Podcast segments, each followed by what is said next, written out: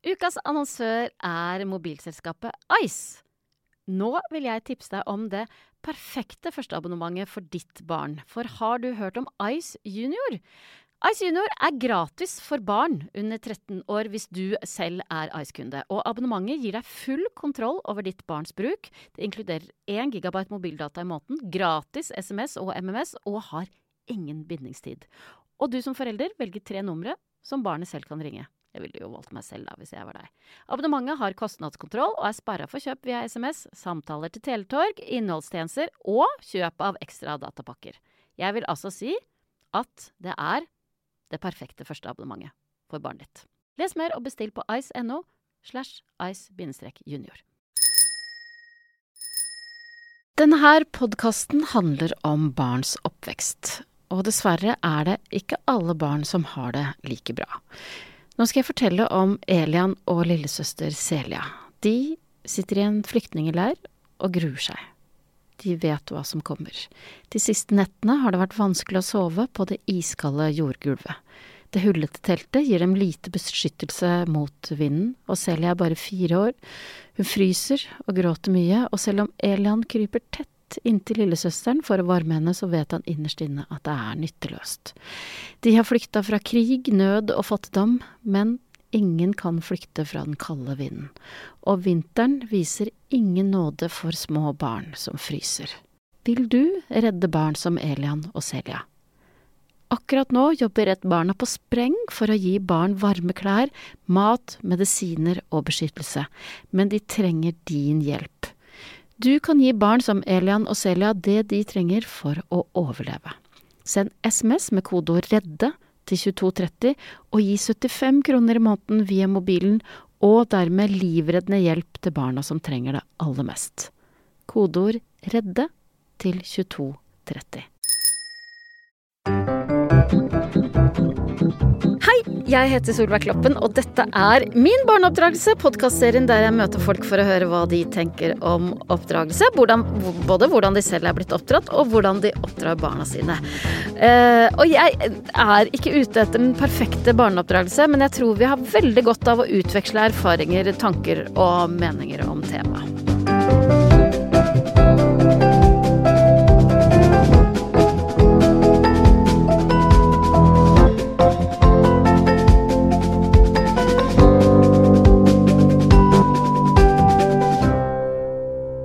Dagens episode blir litt spesiell, for jeg har øh, nå i studio fått besøk av en gjest som har hatt en tøff oppvekst, blant annet prega av mobbing og vold og negativ sosial kontroll. Eh, han er det vi kaller et løvetannbarn, for til tross for den vanskelige oppveksten så har han blitt både advokat og politiker med stor suksess. Og i 2013 så ble han valgt inn på Stortinget for Akershus Venstre, og sju år senere så ble han Norges kultur- og likestillingsminister. Velkommen hit, Abid Raja. Ja, tusen takk skal du ha. Det er veldig hyggelig å ha deg her. Veldig hyggelig å være her. Ja. Eh, du ble født i Oslo mm. onsdag 15. november 1975 på Aker sykehus. Eh, og så var det sånn at uh, der, på sykehuset, så ble du forlatt og hasteinnlagt uh, for å opereres fordi du ble født med analatresi. Helt riktig. Uh, altså uten analåpning. Uten rumpehull, ja. Rett og slett. Mm. eh, eh, og Vi har det nå, bare for nå å presisere det, ja, og det har vært gjennom mange operasjoner opp Mm. igjennom. Det skal vi snakke mer om. Men eh, da i 1975 så var det rett og slett en 23 år gammel barnepleier på barnekirurgisk avdeling som tok vare på deg de første fire månedene. Eh, foreldrene dine var i Pakistan. Mm. Eh, ja, og dette, dette har jo åpenbart gjort noe med deg. Mm. Eh, og det skal vi eh, snakke om. Men aller først så eh, skal vi prøve å finne ut litt av hva slags far du er. ja, ja. For du har tre barn. Tre barn, ja. Eh, tvillingene Maja og Sara som blir 18. januar. Stemmer. Adam som nettopp har blitt 16. Yes. Og så har dere også et fosterbarn. Ja, vi har akkurat nå så har vi faktisk ingen fosterbarn, men vi har, vi har hatt fire stykker. Dere har hatt fire Ja. stykker.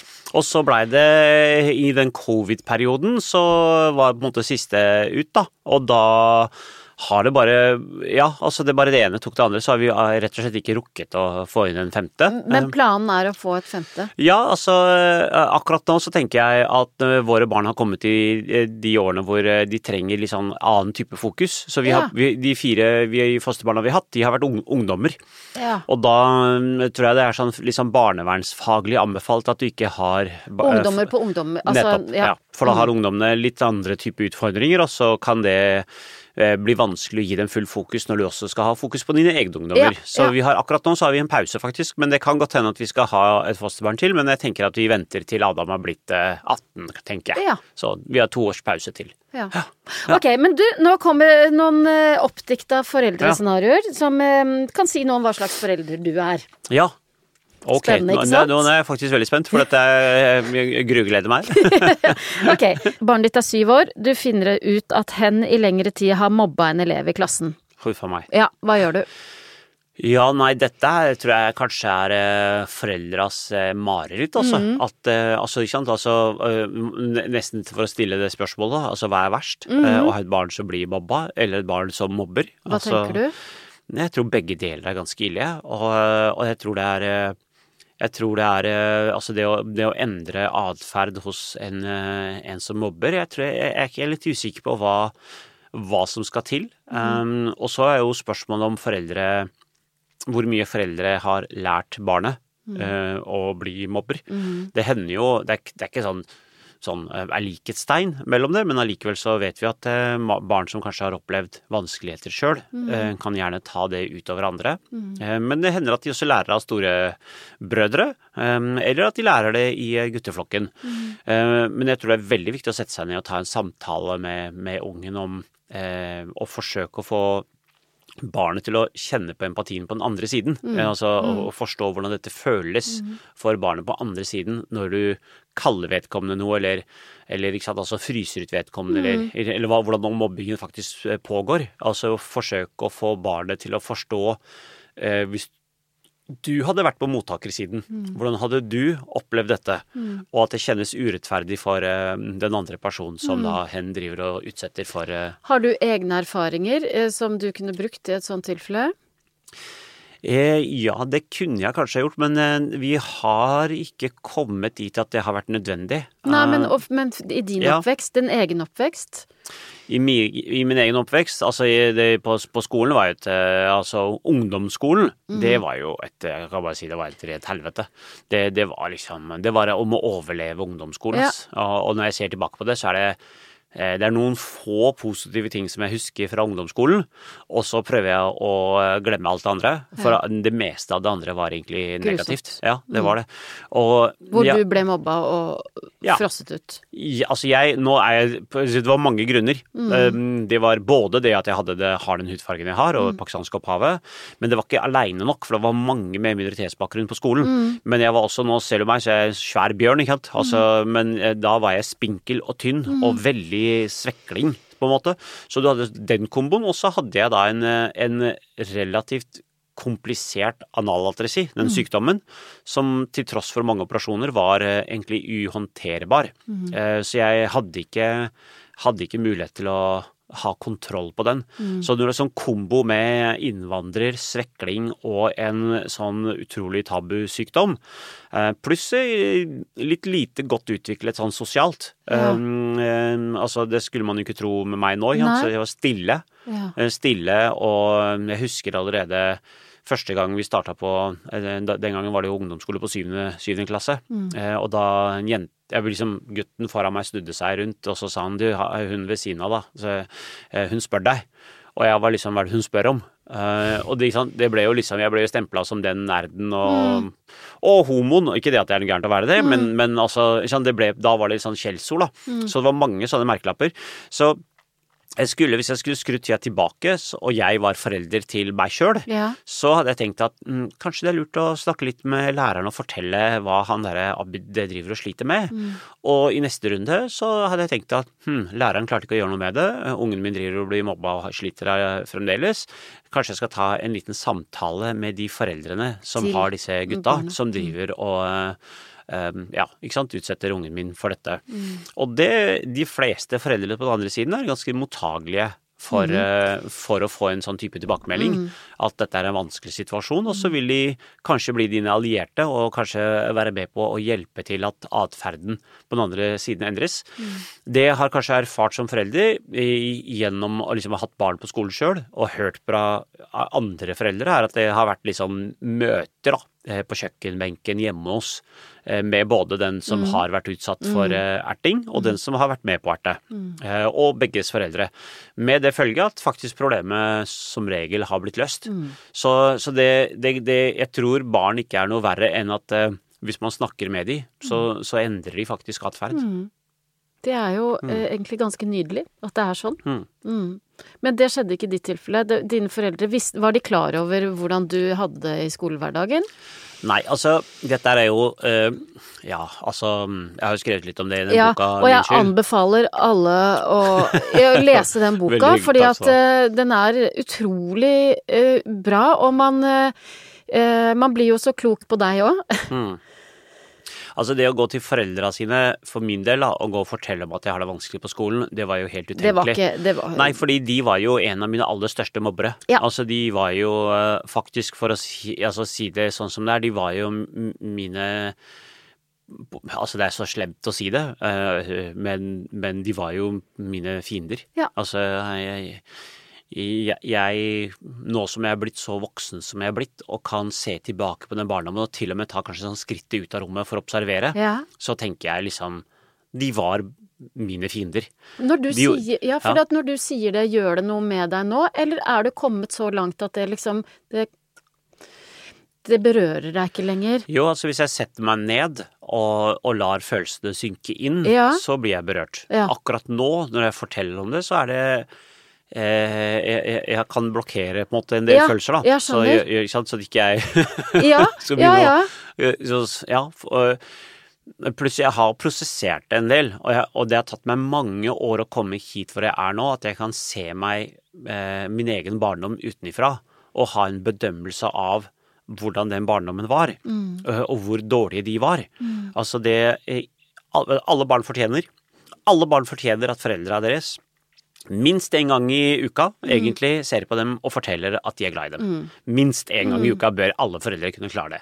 Altså I utgangspunktet bør man kunne klare å gjøre det hver dag, men ok, kanskje ikke alle klarer det. Men eh, det burde man kunne klare. Eh, og minst en gang i uka så trenger også ungen din en klem. Eller i hvert fall en fysisk eh, hånd på kinnet. Og, og du klarer ikke det hver dag, det, det er greit. Men under oppveksten når de er små, så trenger de nattakos og ikke sant, alt Og dette. hvor ofte skjedde dette Nei, hjemme det hos er, dere? og det er det, hvis jeg står nå utafor rommet mitt Mm. og ser på han Abid Han fikk jo aldri en kos. Fikk jo aldri en hånd på kinnet. Og ble aldri fortalt Mm. at eh, 'vi er glad i deg'. Det var heller det motsatte. Mm. Eh, og det var 'hvorfor skammer du deg ikke', 'du er ekkel'. Et halvt menneske? Du er et halvt menneske, du kommer aldri til å få til noe. Eh, ikke sant? Eh, Og nettopp mm, mobb...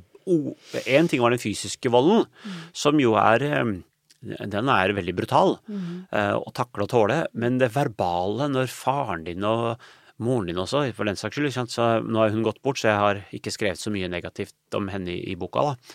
Men altså, når faren din på en måte er litt sånn Jeg skulle ønske du hadde dødd på sykehuset. Og, og, og også sånn, hvorfor kan du bare ikke dø? Eh, Så slapp vi å ha deg. Så, så er det ikke så mange positive lyspunkter. Og det å da komme fra skolen hvor du har blitt mobba, og komme og fortelle de eh, Det jeg husker også sånne andre anledninger hvor jeg var Jeg hadde utviklet en sånn frykt for kjelleren. eh, Og frykt for mørket. Da jeg var barn, altså virkelig sånn barn. Og det var jo litt fordi vi så på en del skumle filmer, og fordi at eh, foreldrene fortalte oss jo litt sånn hvordan eh, vi kunne brenne i helvete og så videre. sant?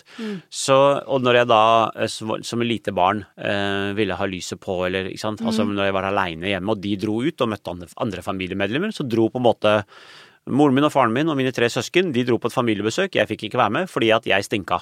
Så jeg var hjemme, eh, og så måtte jeg jo legge meg. Når jeg la meg, så la jeg meg med alle lysene på. Og da ble jeg mobbet av mine egne foreldre fordi at jeg var mørkeredd. At jeg ikke kunne Hva kunne de si da? Nei, altså rett og slett le. Altså man ler Uh, Gjør humor ut av din frykt som et lite barn. At du er mørkeredd og måtte ha lysene på for å sove. Eh, og ikke sant, altså Det er nesten sånn at du er på barneskolen, og så kan du finne de aller, aller verste mobberne. Og det de aller, aller verste mobberne sier til ungen, det er det dine egne foreldre driver og sier til deg. Så det, det er veldig lite det er ikke sånn du kan gå til foreldre og si du jeg sliter med noe, jeg trenger litt hjelp, for de hadde bare brukt det mot deg igjen, og, og, og, og de hadde blitt enda større mobbere. Så Det visste du helt fra Helt fra jeg var barn. Barn. Fra barneskolen. Jeg, jeg eh, kjenner jo at jeg blir så rasende Hmm. og lei meg når jeg Jeg, beklager, sorry. hører deg fortelle det. Ja. Men, men um, hva, Og dette er verdens største spørsmål, uh, men hva, hva har det gjort med deg?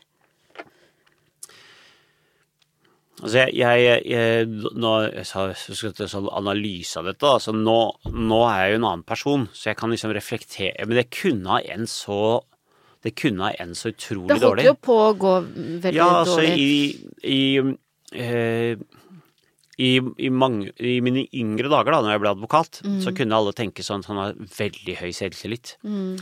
Og det, det tror jeg sånn Jeg tok på meg en selvtillit. For at det, det var det som Kledde på deg det. Ja, for det, kunne, det var en rustning jeg kunne være der ute i, og, og, og folk Du avvæpner så mange. Mm. Og, øh, men selvtillit og selvfølelse blir veldig sånn to forskjellige ting. Mm. Eh, Jeg hadde jo egentlig ingen selvfølelse Mm. eh, på det tidspunktet, og jeg sa til tross for at jeg gjorde det bra i samfunnet, Mm. som advokat og sant, økonomisk og alt mulig, så, så var han som jeg møtte i speilet hver Mm. morgen, sa jo bare stygge ting til meg, og sa alle de tingene faren min pleide å si. Mm. Alle tingene. Altså bare om igjen og i ny drakt. Og det, det, det For meg så, så er det sånn eh, Den barndommen, den, eh, den, den ønsker jeg jo egentlig å det er en så fin sang i en av mine favorittfilmer fra Bollywood. eh, Med Naya, både jeg og Nadia elsker da. Refererte også i boka for øvrig, men det er altså, det er, det er, den heter Three Idiots. Det er egentlig en komedie, men også med et alvorlig tema, hvor en av sangene er at det, eh, at eh, altså, hele barndommen har gått med til å oppfylle foreldras krav og forventninger. Nå har til og med voksenlivet gått vekk. Kan ikke vi bare få lov til å puste fritt for et lite øyeblikk? Og kan ikke jeg bare få lov til å vokse opp en gang til? Så hvis jeg skulle gjort noe, så skulle jeg gjerne ha vokst opp en gang til i en familie som bare kunne eh, gitt meg eh, en, en hånd på kinnet, da.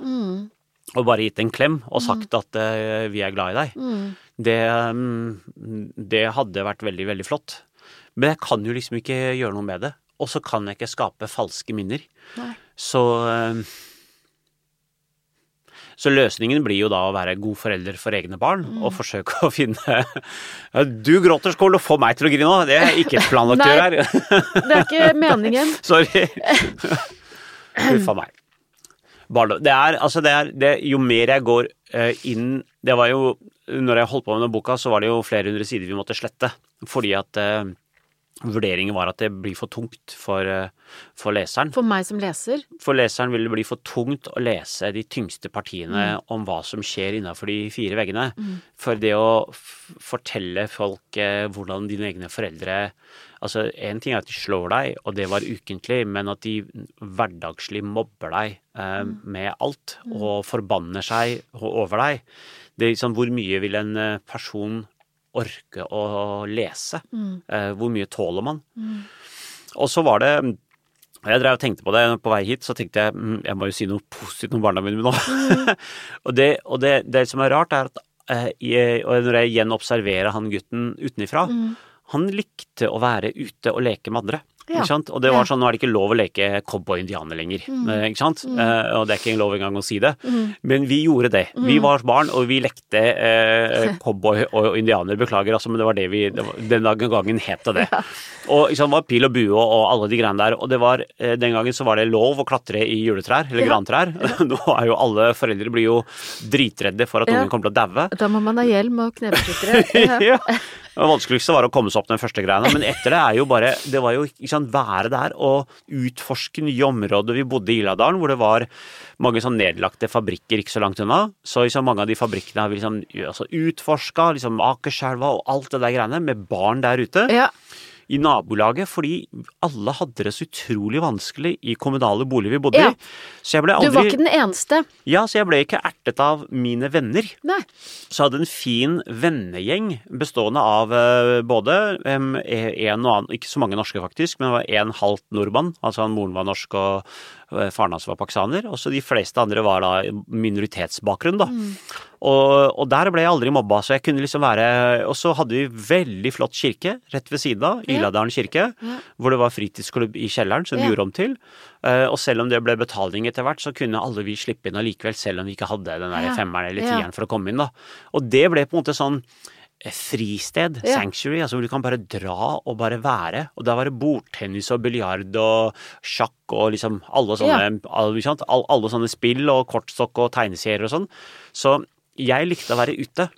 Og, men så måtte du jo inn, Mm. og, og hjemme var på en måte det, det var ikke fristed. Og Mm. det er liksom, litt sånn motsatt. Når jeg kjenner som, min, som forelder sjøl, Mm. så tenker jeg barna er der ute.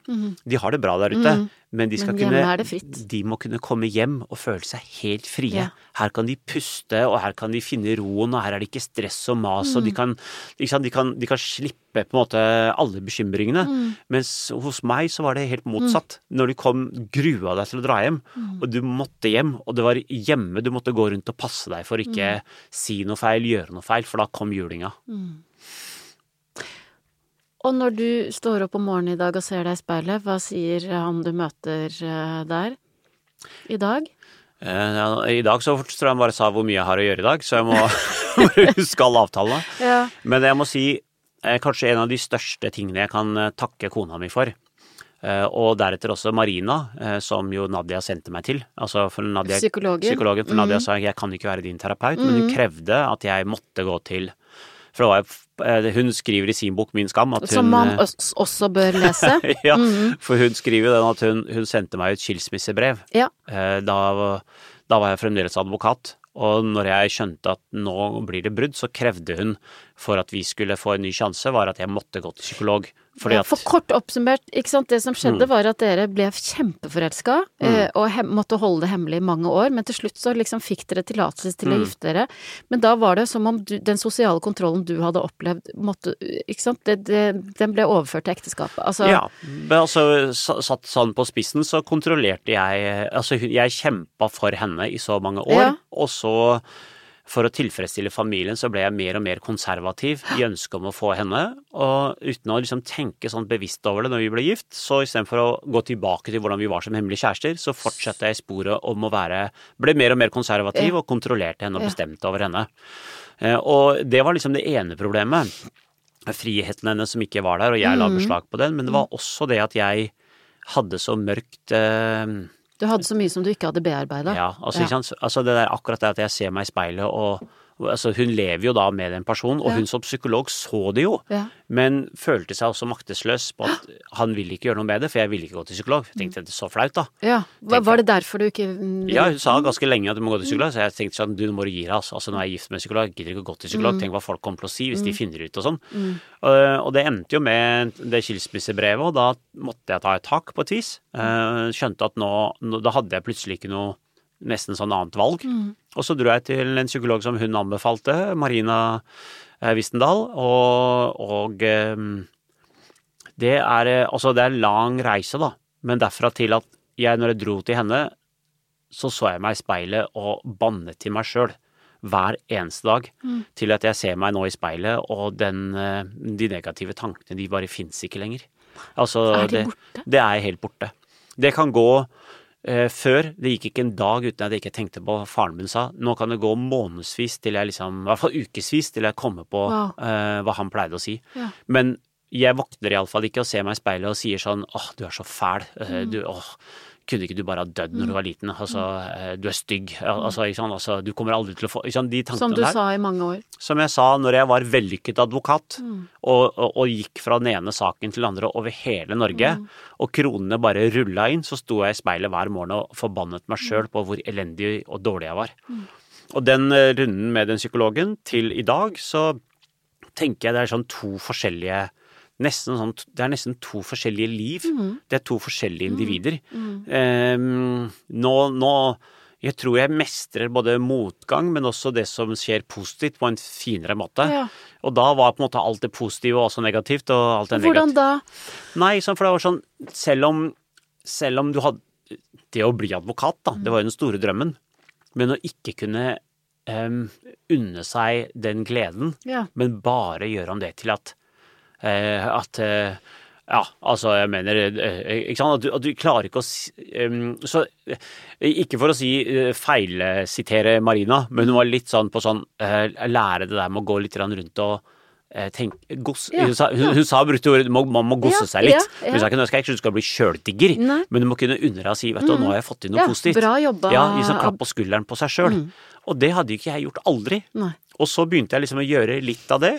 Eh, og nå kan jeg liksom Jeg tenker litt sånn Ja. Ja. Det, det var Nå er vi en podkast her, og vi har laget en podkast tilfeldigvis, jeg og Nadia. Ja. Og det er Som liksom- man også må høre på, må ja, jeg si har, heldigvis har du vært her som gjest, men liksom Ja. viste akkurat den mailen jeg kom inn her, av en sånn terapeut Ja. som i en annen by sant, som har hørt på oss, og som bare sier sånn Det er så utrolig flott podkast dere har laget, og Mm. det berører meg som terapeut òg. Og da blir jeg sånn Da begynner jeg å gi Ja. meg sånn klapp på skulderen, så tenker jeg du Abid, det er bra, altså. Mm. Og, og før så kunne jeg bare sånn tenke sånn Ja, men det er ikke så viktig. Det, det, men det betyr ikke noe. Altså, det betyr ikke at du, det betyr ikke at du er bra. Det Men- betyr ikke at du har gjort noe fint. Det, det, det, det skulle bare mangle, liksom. Men nå kan jeg liksom stoppe opp og tenke sånn Hm, dette kjentes fint.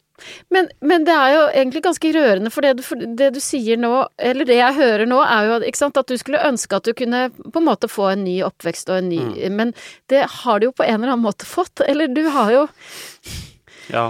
gjennom Nadia Mm. ikke fått en ny barndom, men du eh, Noen har liksom eh, Ok, skal jeg si noe som er sånn Høres sånn Jeg vet ikke, altså dette er ikke gjennomtenkt. Jeg skulle kanskje tenkt gjennom alt det jeg skal si i dag før jeg kom hit, men det er sånn Jeg husker noen år, da, så når barna var små og, og, og det, er ikke sånn misunnelig på barna mine, altså, men sånn veldig sånn eh, Men hvordan Nadia var med de barna, eh, så jeg tror jeg sa til henne også sånn, sånn Altså det er, det er jo sånn man skulle ønske man vokste opp sjøl også. Ja. Eh, at du fikk på en måte den eh, eh, At man leser en bok liksom på sengekanten, og du får den nattakosen, og, og så er kanskje noen redd for noe. og- Ja, men da kan vi bare la lyset være på, det går fint, ikke sant? Altså, ikke sant? Ja. Så det er liksom det den, og det jeg sier ikke at vi er ikke noen perfekte foreldre, vi har sikkert gjort hundre feil vi også. ikke. Ikke sant? Det fins, ikke sant. Så, så vi gleder oss til Sara Maja Adam vokser opp og skriver 'Det var deres skyld'! Bok. Men jeg føler allikevel, når jeg har sett, observert henne, da, så har jeg tenkt liksom eh, det er det, barna, det er det barn fortjener i verden, å ha en god mor og, en, og en, for så vidt også en god far. da. Uh, og gjennom det så har jeg funnet mye glede, og så merker jeg det.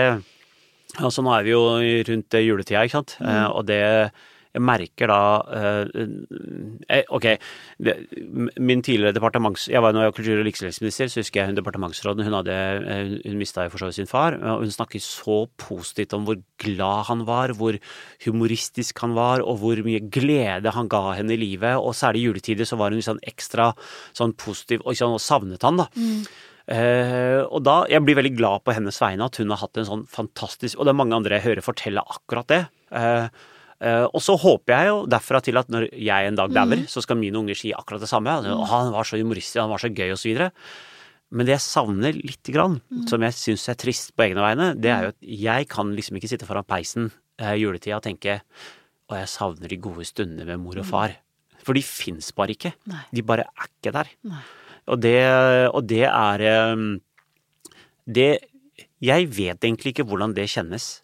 Eh, hvordan Altså den følelsen der at du har savn etter mor og far, og at du eh, eh, altså elsker de stundene du brakte tilbake, og ser tilbake på det. Og mange snakker om det på så fin og varm måte at jeg ser liksom hvordan de er sånn sånn tårer, og, og de følelsene står ut av de. Eh, så, så det, det Det tenker jeg liksom er På vegne av meg sjøl så er det litt sånn trist at jeg, jeg har ikke de, den minnebanken. Jeg har på en måte ikke det eh, ja, For i din følelsesregisteret. minnebank, ja. alle gode minner fra barndommen er der ute. Det er i Irdadalen, i parken der. Mm. Det er i, i, jeg har ingen gode minner hjemmefra. Altså Jeg har nesten ingen gode minner hjemmefra. Det, de, de, de dårlige er så mange, og de er så store, og de er så voldelige og ekstreme at de, de overskygger på en måte det Moren min lagde mat til meg hver dag, og vi fikk mat. Altså, det var en, en stor omsorgsfull handling. Jeg husker gode ting med det, eh, ikke sant? Og, og, og, tullet rundt eh, mat og, og kjøkkenbenken og sånn. Um, um, og det er liksom noe av de sånn positive eh, og ikke minst også, vi, vi smugså på en del Bollywood-filmer, for det tålte ikke faren min at vi holdt på med. Um, så vi måtte holde vakt, så passe på at han ikke kom. Da Du og søsknene dine og moren og din moren. også? Så hun var liksom alliert på det. Så det er sånn, kan si at det er sånne gode minner, da. Um, Men blanda med noe som det er jo fryktdrevet, Ja, ja, ja. liksom. Ja. Altså, han, der kommer han, og da Og det er sånn vi hadde funnet på Altså, vi bodde i tredje etasje, og når du eh, trakk i utgangsdøra der nede i første, når han liksom åpna inngangsdøra, så ble det sånn sug i gangen. Ja, ja. Så kunne døra smekke igjen, eller at den gikk sånn at den lagde lyd. For at det hjalp ikke å stå i vinduet, for at det var to måter å komme seg i huset på. Han kunne komme fra, både fra høyre og venstre, så liksom, vi var jo barn, så det glapp jo for oss mange ganger. Så oppdaga han når han kom hjem han åpna døra, kjapt ikke han kom inn, og der var jo TV-en på, vi rakk jo ikke å slå av den. Og da fikk vi juling. Eller kjeft, ikke sant. Og da lærte vi oss triks at vi kunne legge døra litt på gløtt oppi tredje. At når den smalt igjen, eller Da. lagde lyd, da er det noen som har kommet der nede, og vi har ikke fulgt med godt nok. Da gjaldt det å slå av alle sammen og rømme i sin rom. Så var det kanskje ikke han, kanskje bare en nabo, og da kunne vi komme ut igjen av hulene våre og fortsette å se den filmen. Det minnet jeg har, vet du. Det er helt psycho. Ja. Sitte i juletida og så tenke liksom hm, hvordan var det vi bodde i dette torturkammeret igjen da? Kommer han torturisten? Og var moren din like redd? Ja, hun var jo, hun var jo et offer, hun også. Fordi han, eh, han slo jo ikke bare oss barna, han slo jo også kona. Han slo jo også moren vår. Eh, Og det er, det er liksom det, det, det er kanskje det fæleste barndomsminnet. At hun fikk så mye juling. Så uh, Har du, har du klart å tilgi henne? Hvis det er et mål? Jeg vet ikke om det er et mål, jeg. eh, altså, jeg tenker at i og med at hun er død, så prøver jeg jo ikke å snakke så mye om Nei. det. Mm. Mm. Det er en grei regel. ja, ja. Ja. Ok, vi er Ja. egentlig midt i noen ja. scenarioer her. Det glemte vi ja, vi. ja. ja. Er vi scenarioer? Botox Cosmetic, out of botulinum toxin A, FDA approved for over 20 years. So, talk to your specialist to see if Botox Cosmetic is right for you. For full prescribing information, including boxed warning, visit BotoxCosmetic.com or call 877-351-0300. Remember to ask for Botox Cosmetic by name. To see for yourself and learn more, visit BotoxCosmetic.com. That's BotoxCosmetic.com.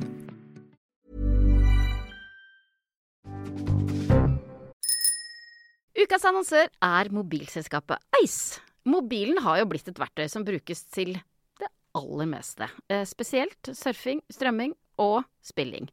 Og da er det jo viktig med et raskt og stabilt nett. Hvis du f.eks. ikke har tilgang til wifi eh, og skal logge deg på et eh, Teams-møte, ah, da er det litt uheldig om dekningen er dårlig. Jeg er ganske lei av å si sånn Du, nå tror jeg Nå hører jeg Nå, nå stopp... Ja, der var du! Ah, det er kjedelig. Ice bygger ut sitt eget 5G-nett i Norge for å gi deg en enda bedre og raskere nettopplevelse. I tillegg så vil Ice sitt 5G-nett være forberedt på å ta i bruk framtidas teknologiske utviklinger. Selv om vi kanskje ikke tror at fjernkirurgi og selvkjørende biler blir dagligdags med det aller første.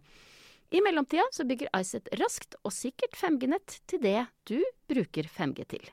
Les mer på ice.no slash 5G. Seksåringen din skal begynne på skolen. Eh, Når dere får klasselista før sommeren, så ser dere at eh, han eller hun ikke har kommet i klasse med noen av vennene sine. Hva gjør eh, du da? I, I dette tilfellet her så tror jeg faktisk at jeg hadde tatt en samtale med, med skolen, og gjort på en måte det som skulle til for at barnet skal få en best mulig overgang. Det hender at det løser seg. Eh, altså hvis du har gått i en barnehage da, og, og ungen din har uh, hatt mange venner, venninner, altså ikke sant, I, fra barnehagen av. Eh, jeg husker nå, plutselig tenker jeg på mine barn, de gikk jo i Lillegrønn og Storegrønn.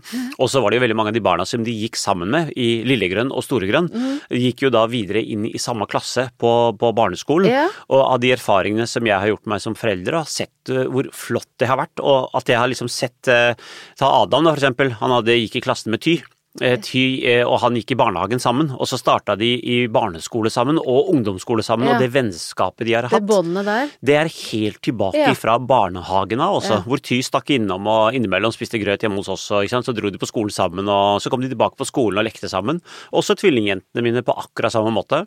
Så fordi at jeg har sett på en måte det båndet som er så sterkt fra barnehagen til barneskolen, at hvis jeg hadde hatt barn som, eh, som ikke skulle starte på skole med noen- noen av de som de har vært glad i på Lillegrønn eller Ja. Storegrønn eller, eller Clementin eller hva, Ja, sant? hvilken ja. barnehageavdeling de nå går i, så hadde jeg faktisk tatt en liten samtale med skolen. Ringt de på forhånd. Um, Og hvis du da, de da hadde sagt, vet du hva, det, dette er Dette har ikke du noe med. Dette kan ikke du Huff a meg. Altså, rigid skolesystem eh, tror jeg ikke vi har. Eh, Men hvis det allikevel skulle være et scenario, så må man begynne å forberede sitt eget barn på eh, at, at de andre som du kjenner, de går jo faktisk også på skolen, bare at det er i en annen klasse. Du kommer til å treffe dem i friminuttet, og de kommer til å komme hjem til oss. Og ikke minst, du kommer til å få nye venner, og så spennende det kommer til å bli. Så da handler det, tror jeg, litt om å både men også kanskje anerkjenne, da. Altså Det hadde kanskje kona mi lært meg. Det er ikke, jeg er ikke så god på det. Jeg går egentlig rett på- psykolog, Nadia er Ja, psykolog, Ja. ja. Så jeg går på den, som som du hørte, den første biten er den løsninga. Det, det kommer til å gå så fint, og du er så robust og sterk og sånn. Mens kona sier det er liksom, det er nummer to-løsninga. Først må du sette deg ned og si at eh, dette skjønner jeg. jeg. skjønner Validering. Ja, validering først. Først liksom Jeg skjønner at dette er vanskelig, og, og dette føles sikkert urettferdig og sånn. Og så snakke derfra over til å la liksom kanskje ungen få lov til å tømme seg sjøl, da. Mm. Eh, og deretter gå på løsningen. Men jeg kan si at har, dette, dette har tatt meg noen år å komme til dette, og heldigvis er mine barn og voksne, så jeg har kanskje kona tatt seg av den valideringsbiten. Men umiddelbart så slår jo Eh, nå har jo ikke vi vært i den situasjonen, men eh, vi har kanskje vært i en sånn tilsvarende situasjon på ungdomsskolen. Ja. Eh, og da eh, hjalp det faktisk å ringe og si at eh, har svært gjerne ønsket seg i klasse B. Og så har liksom altså det rett og slett løst seg. Så har de lytta. Så har de lytta, og det, det har jeg inntrykk av at skolene gjør. Men så som forelder, i hvert fall i mine barns barndom, kan jeg si at jeg som forelder, jeg som pappa, har iallfall vært på den derre Ja, men dette, er ikke, dette løser vi jo. Ja, ja. Mens hun har vært sånn, du, eh, vent litt nå. Eh, Først skal du eh, validere og anerkjenne og bare se og lytte.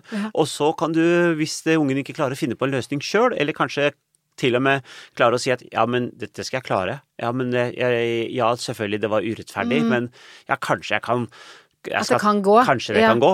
Og da, da slipper du å komme med de eh, Men du, etter mange år i Nadias, eh, Mm, på. Nadias skole, ja, har, du, har du fått det mer inn under huden, det med validering og ikke gå rett til løsning?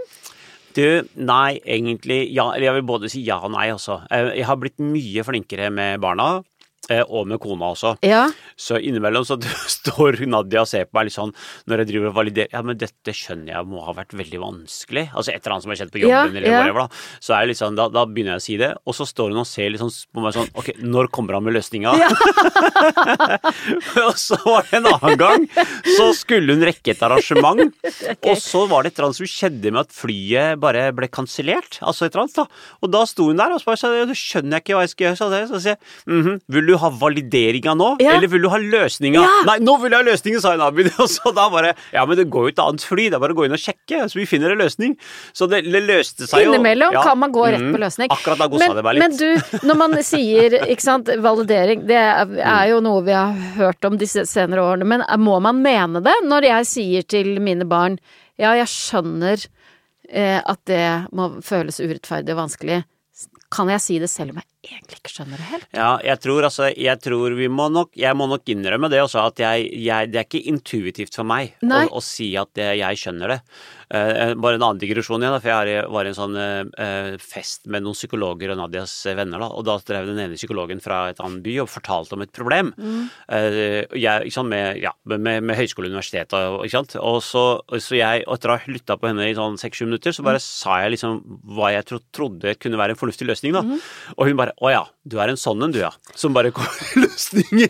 Og da følte jeg meg bare sånn Å, dette er Nadia fortalt meg så hundre ganger. At don't kom med løsninga. Bare si 'jeg forstår at dette her er vanskelig'. Så intuitivt for meg så er det Du hører på et problem, Ja. så er det å komme med fem forslag på hvordan man kan løse problemet. Ja. men eh, på hjemmefronten nå, med barna, så vil jeg si sånn to av tre ganger, så klarer jeg å være og si du, dette skjønner jeg er veldig vanskelig. Ja. Det kan ikke være lett. Vil du snakke om det?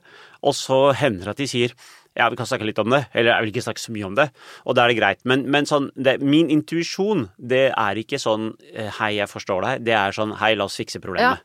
Og er det eh, For dette har vi diskutert mye hjemme òg. Eh, eh, og jeg har en følelse av at det er flere menn som går rett på løsning enn kvinner. Er det Det vet jeg ikke, altså, for jeg har, jeg har jo én kvinne å sammenligne det med. Ja. Og Og jeg har bare én mann. Ja, og Ja. hun er spesialist i psykologi og har tatt doktorgrad i barneoppdragelse, på en måte. Så det er litt sånn Jeg stiller litt kort. Du gjør det.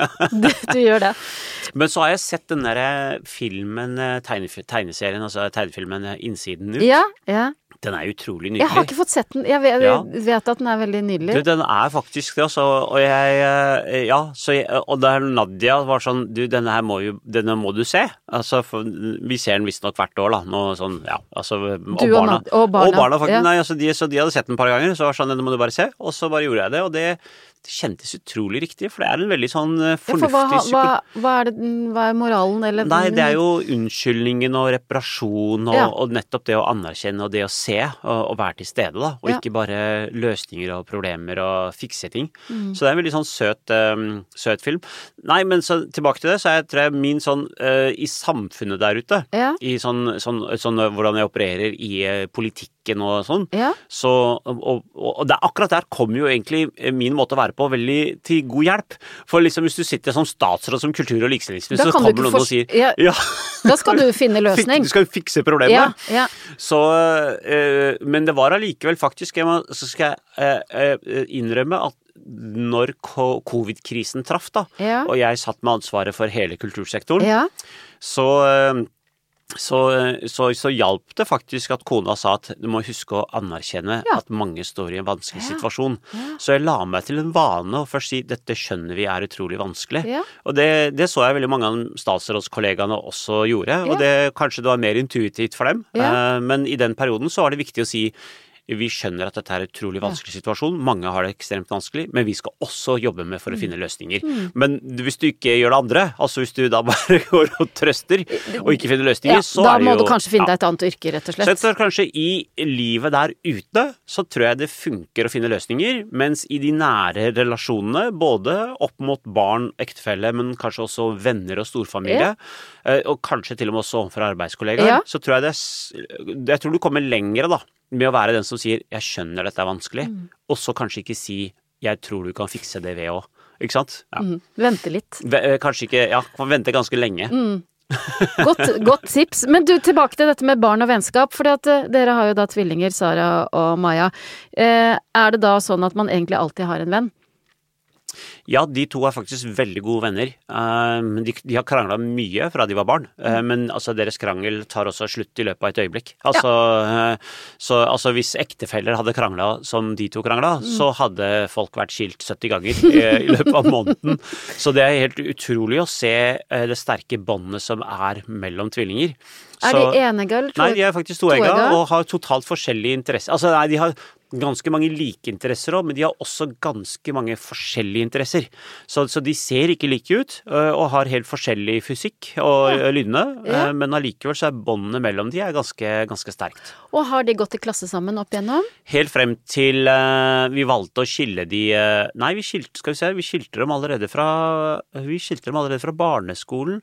Så nå klarer jeg ikke å huske hva vi gjorde på barneskolen, men på ungdomsskolen så hadde vi de i hver sin klasse. Ja. Eh, Og de har valgt også hver sin videregående skole. Ja. Eh, Og, så, men akkurat nå så på Jeg vil tippe at vi også hadde dem i hver sin klasse på barneskolen, men akkurat nå så klarte jeg ikke å erindre det. Også. Men, og hva var årsaken til at dere i hvert fall delte dem eh, på ungdomsskolen? Det var eh, det, det, Jeg tror det er viktig at eh, den ene ikke blir avhengig av den andre. Ja. Eh, At man må klare å knekke sosiale koder selv, eh, og ikke tenke at du har på en måte en søster der som kan hjelpe deg i, i absolutt alt. Ja. Og da kan fort kanskje, mente Nadia, da, som var igjen psykologen i familien, altså at den ene kan bli kanskje eh, mer avhengig, Mm. eller, eh, eh, og dermed så er det, det er viktig at de klarer å ha altså de, kan, de er jo hjemme sammen, Mm. leker sammen, og så er det viktig at de også kan dra ut og være, uh, utvikle sin egen personlighet. Mm. Så uh, ut fra det resonnementet her, så tror jeg kanskje de var i hver sin klasse også, Også på, på barneskolen. Jeg holdt på å si jeg må tekste da til å spørre. Vi har litt sånn hukommelse som er litt sånn det som har skjedd eh, et, etter noen år, så er det liksom arkivert et eller annet sted. Ja, men kanskje det har vært en god overlevelsesstrategi? Det har nok vært det, ja. Mhm. Um, ok, nytt, Ja. nytt eh, scenario. Barnet ditt er elleve år. Mm. Du finner ut at hen har publisert utallige danse- og sangvideoer av seg selv på TikTok, og- du ser at kommentarfeltene er fulle av hatkommentarer. Hva gjør du? Huff a meg, og Ja. stakkars de eh, det, Og det tror jeg ganske mange har klart å gjøre. Mhm. Altså, jeg har kanskje vært litt sånn haukepappa, det går an å si det. Jeg vet ikke om det er riktig betegnelse engang, jeg. Hønemor og haukepappa? Ja, sånn, sånn, så, altså eh, eh, også, Jenta mi har vært i håndballen. Nå har hun slutta akkurat nå, for nå ble det for seriøst. Ja. Altså, for det er sånn du må satse. Ja. Når hun er 17, liksom, så er det sånn satse, så hun, så hun slutta. Bare hun ene. Ja, altså, nei, begge to. Men Begge hun- har vært i håndballen? Nei, altså, begge har vært innom eh, fotball og turn og innom friidrett og, Ja. og sånn, også the name it. Og eh, hun ene var ikke bare idrett, så hun slutta tidlig og har vært i kulturen lenge. Og Ja. så det da hun ene har vært i håndballen frem til nå. Ja. Eh, og jeg kan si eh, med hånda på hjertet at eh, med alle de oppslagene som har vært rundt sånn overgrep i idretten, Mm. så var det liksom et sånn skrekkscenario. Mm. at du sender ungen din på treningsleir. Tror det er trygt. Ikke sant? Ja, ikke sant? Hva skjer der? Mm. Og, og hvordan tar du den samtalen eh, med ungen? Ja. det har jeg gjort så mange ja, ganger. og hvordan tar du den? Ja, ikke sant? Hvordan tar du det med en seksåring og 20-åring Ja. og 8-åring? Og jeg husker en Kos gang deg, men vite at Nettopp. Gå grenser for voksne kan ikke gjøre. Husk, du kan, man skal ikke være naken foran, og hvis noen sier, så må du be om hjelp, og du kan alltid rope ut, og du må kunne rope høyt, og ikke sant? du må kunne si fra til de andre, og, ikke sant? og hvis det har skjedd noe, så må du si fra. Ikke sant? Og så må du ta det på en sånn gradvis, for du kan jo ikke si dette til en seksåring og Nei, fordi at det vil jo virke uh, veldig skremmende òg. Nettopp. Så Ja. du må gjøre Men jeg husker når hun var liksom Kanskje hun var 15, da. Så jeg leste 14, og det var sånn Pappa, jeg, du har sagt det så mange ganger at jeg har skjønt det, og, og jeg vet hva det dreier seg om nå. Ikke sant? Men for meg så var det sånn altså For det, var, det har vært så mange saker at, eh, at jeg tenkte altså Alternativet er ikke å ta henne ut av idretten. Alternativet er at du må sørge for å Ruste henne. ruste henne til at hun liksom kan liksom være der, da. Det, heldigvis så har det gått bra, og hun har også tålt å takle litt de samtalene. Um, og så har jeg også hatt en samtale med barna om eh, på publisering på sosiale medier, ja. ja. som er litt sånn eh, du tror at du har en gutt eller jente på den andre sida, Mm. og så kan det hende det sitter en mannegris på 50 år. Altså, du sier ikke ikke mannegris, men du Mm. forteller at det kan sitte en voksen person der ute. Du kan ikke vite hvem vedkommende er. Så hvis du blir bedt om å ta bilder av deg sjøl og legge ut, så ikke gjør det, liksom. Sant? Og, og den, den samtalen tror jeg er utrolig Den tar jo skolen også nå. De får en opplæring på skolen heldigvis også om nettvett og sånn. Men jeg tror foreldrene eh, som har barn på alle mulige sosiale mediekanaler, bør også ha den samtalen. Og for eksempel, jeg husker da en sånn Snap og alt mulig kom, så var det en sånn greie på ungdomsskolen at vi hørte noen hadde filma noen i dusjen. Og Da var det viktig liksom å si til eh, så særlig guttungen din da, du, du har en mobil, så det er ikke lov å filme folk i dusjen. Ikke sant? Og, han var sånn, men jeg har ikke gjort det. Ja, men det skjønner jeg, men ikke gjør det heller. og ikke publiser noen tull på sosiale medier. Nei, altså der, hva gjør du når eh, negative kommentarene florerer under TikTok? Uh, Huffa meg, altså jeg har egentlig ikke noen god løsning, jeg, også. for jeg tror ikke det går an å gå og slette de heller. Altså, jeg vet ikke om det, jeg er ikke på TikTok, da. Ikke heller. Så um, barna mine er jo på TikTok. Eh, Når, men kom- når kom de seg på sosiale medier? altså, når fikk de mobil, da? Ti? Var det Nei, jeg tror jeg er litt eldre enn det. Ja, tolv. Ja, ja, altså noe sånt, da. Men de har jo hatt mobil lenge. Mm. De kan jo Snap og mm, TikTok Altså, de Ja, kan jo og- alt bedre enn meg. Og som haukepappa, er du sånn som har vært inne og sjekka mobilene deres? Aldri. Nei. Aldri, faktisk. Hvorfor ikke? Eh, nei, jeg tror eh, Nei, det, det, det føles bare For det første så føles det feil. Altså, En ting er at jeg, de er tre relativt Føles det som at de er tre relativt sunne ungdommer som, som har klart å ta sunne valg eh, frem til nå. Og jeg tror hvis de hadde oppdaget da at jeg, er, jeg har vært inne og snoka på tingene deres, Ja. så tror jeg at det tillitsbruddet hadde vært så stort at det kanskje liksom rokker noe med den derre Altså, man kan snakke med pappa om ting som er vanskelig. Det er jo noen som har en avtale om at det er helt greit, at jeg i hvert fall hvis opp til en viss alder får lov til å Mm. gå inn og sjekke. Ja, jeg, er, altså, jeg tror eh, at eh, man må gjøre sånn individuell vurdering i hvert enkelt hjem, på en måte, i, i forhold til hva risikoen er, osv. Eh, altså, for å, altså, for å sette det litt på spissen, kalle det spade spade. Altså, altså, jenter og gutter i en viss alder kommer til å være inne og titte på porno. Altså, Ja. har de mobil? Altså, hva er det vi pleide å se, ja? Altså sånn eh, dette er veldig flaut, men også sånn undertøyskataloger som pleide å komme. Sånn kataloger med sånne undertøysbilder. Ja, for det er jo veldig stusslige greier. Altså. Og har du mobilen mobil i lomma, så klart jeg Ikke sant? Så skal du gå inn og liksom sjekke hva ungene dine Hva godt kommer det til å komme ut av det? Eh, eller gå rundt og sjekke liksom mobiltelefonen deres og meldingene og det og det. Hva, hva, jeg tror det er et eh, Og kanskje litt falsk eh, trygghet òg, for man kan lure unna ganske mye. Jeg tror du som forelder vil aldri klare å fange opp hva ungen din driver med, men det, det, men bedre å ha et sånn tillitsbasert system hvor det er mulig å snakke med, med barn og unge om hva som skjer i livet deres.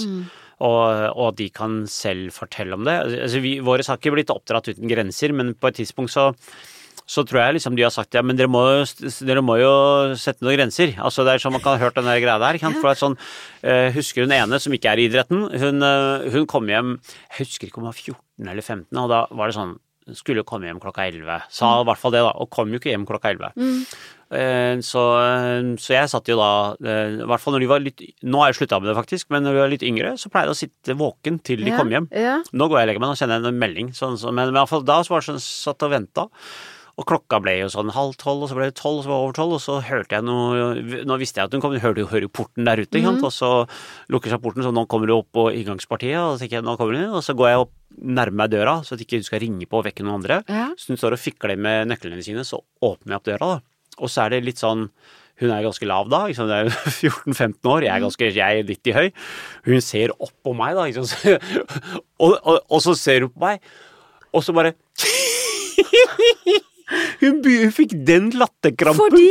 Fordi jeg tror hun kjente på at jeg har kommet veldig seint hjem, og dette skulle jeg selvfølgelig jo ikke gjort. ja. Og det er første Jeg har gangen bølla litt, ja, liksom. og jeg skulle jo selvfølgelig ikke ha kommet hjem så seint, jeg skulle ha sagt ifra. Og jeg bare så hennes reaksjon og tenkte så utrolig søtt, Ja. liksom. Så jeg var sånn, har du det bra? Ja, ja, ja det går fint. Bare ikke tenk på å være kos, gå opp og legg deg. Ja. Børste tenna, liksom, bare gå opp og legg Ja. deg. Så var det sånn, og de, og verken hadde hun innetid da, og verken har hun hatt innetid etter det. De har ikke noe som heter innetid. Nei. Og det er litt sånn rart, men de kommer hjem allikevel til tider.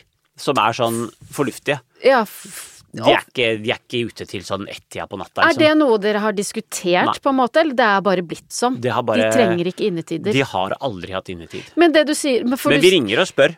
Ja. Altså, jeg spør sånn hvis det klokka blir sånn 11 og den ikke er hjemme, eller jeg vet jo hvor de er da, som regel så har de sagt fra, men Ja. så sier jeg sånn, eh, sender en melding, jeg, ringer- jeg, jeg, Nadia ringer da, jeg sender melding, jeg spør sånn, eh, Hvor er du? Hei Maja, hvordan Ja, går det, og hvor er du, og når kommer du? Og så sier hun, eh, her er jeg liksom, dette gjør jeg, og kommer hjem eh, om en time. Okay. Og så da sier jeg sånn, og da hvis de to andre er hjemme da, så sier jeg, eh, veldig fint, pass på deg eh, og ring ring hvis det er noe, jeg går og legger meg. Ja.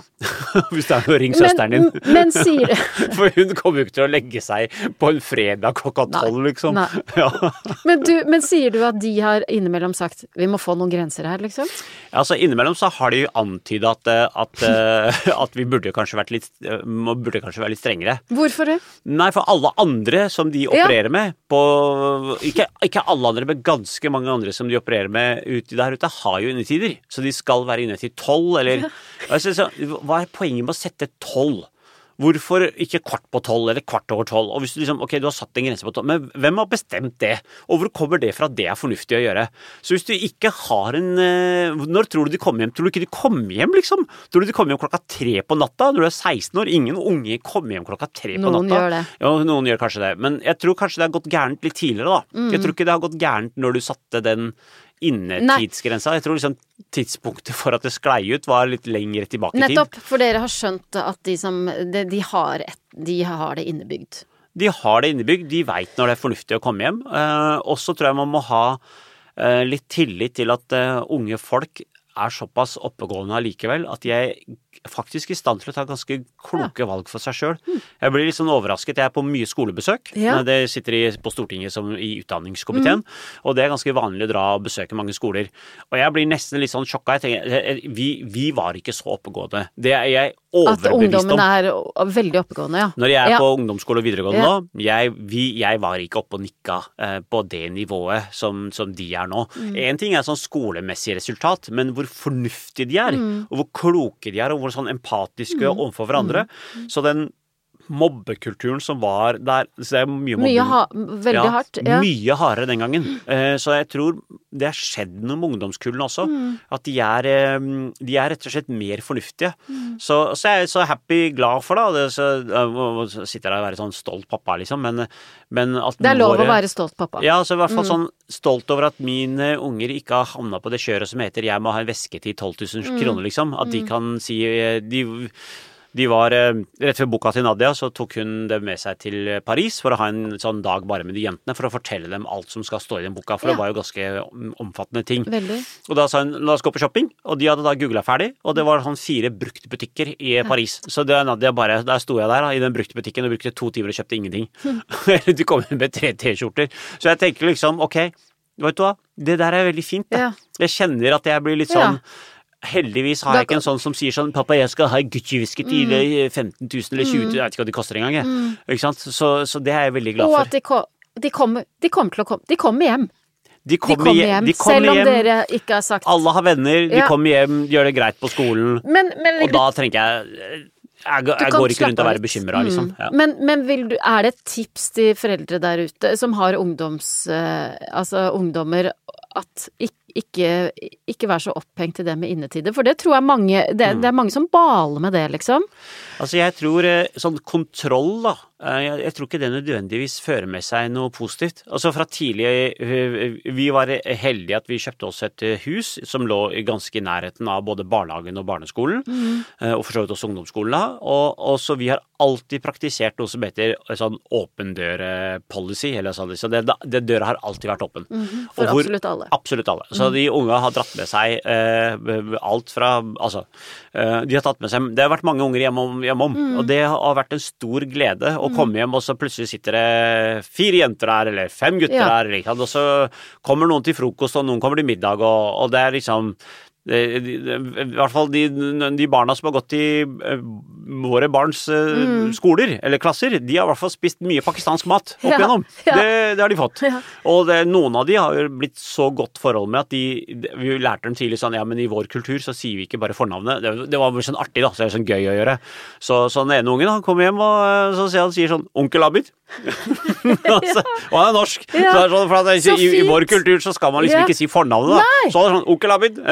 så, så, tante Nadia. Så, oh.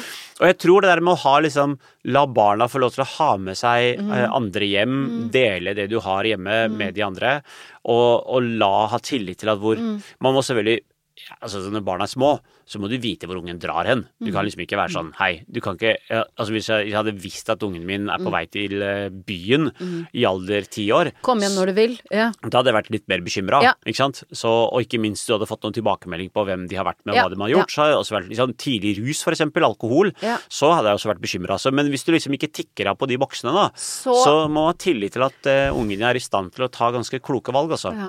Så, eh, og så veit jeg ikke hvor det går gærent. Altså, jeg har et sånt, i hvert fall en sånn følelse av at de foreldra som kontrollerer barna mer, der vil barna strekke strikken også mer. Altså hvis du liksom skal forsøke liksom å snoke, så vil de også forsøke å holde enda flere ting hemmelig. Mm. Også når det først det blir brudd på den tilliten, så tror jeg det er veldig vanskelig å Reparere. reparere den, eh, det tillitsbruddet.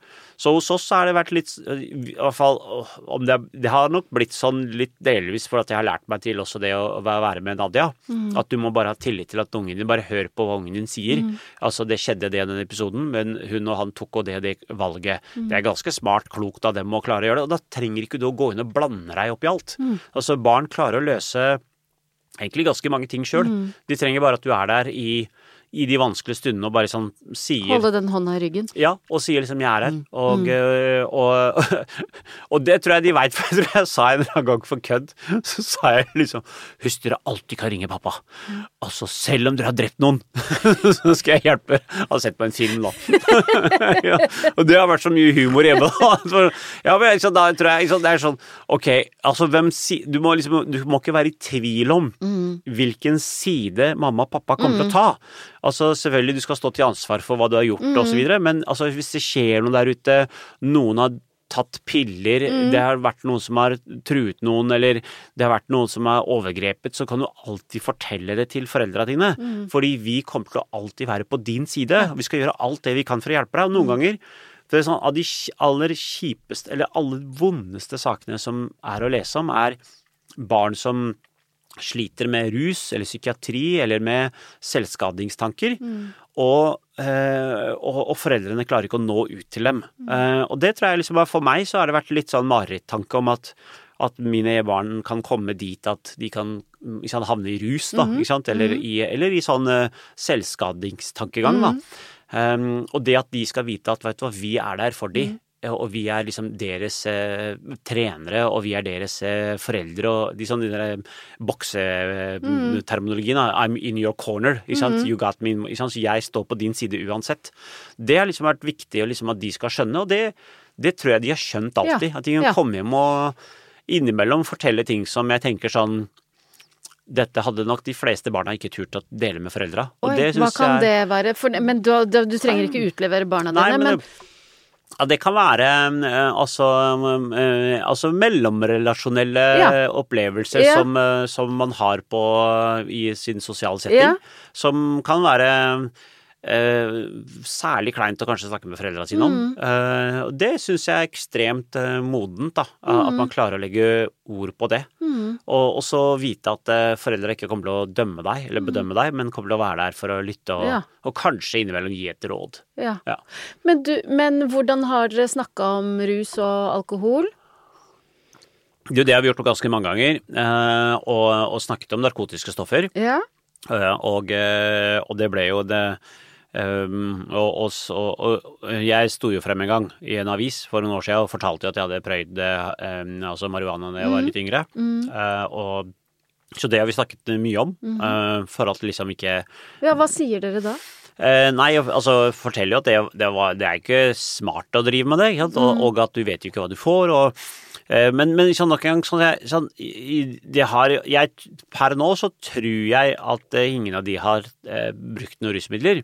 Verken eh, legale eller Akkurat nå er jo alle rusmidler illegale for dem, for de er jo umyndige.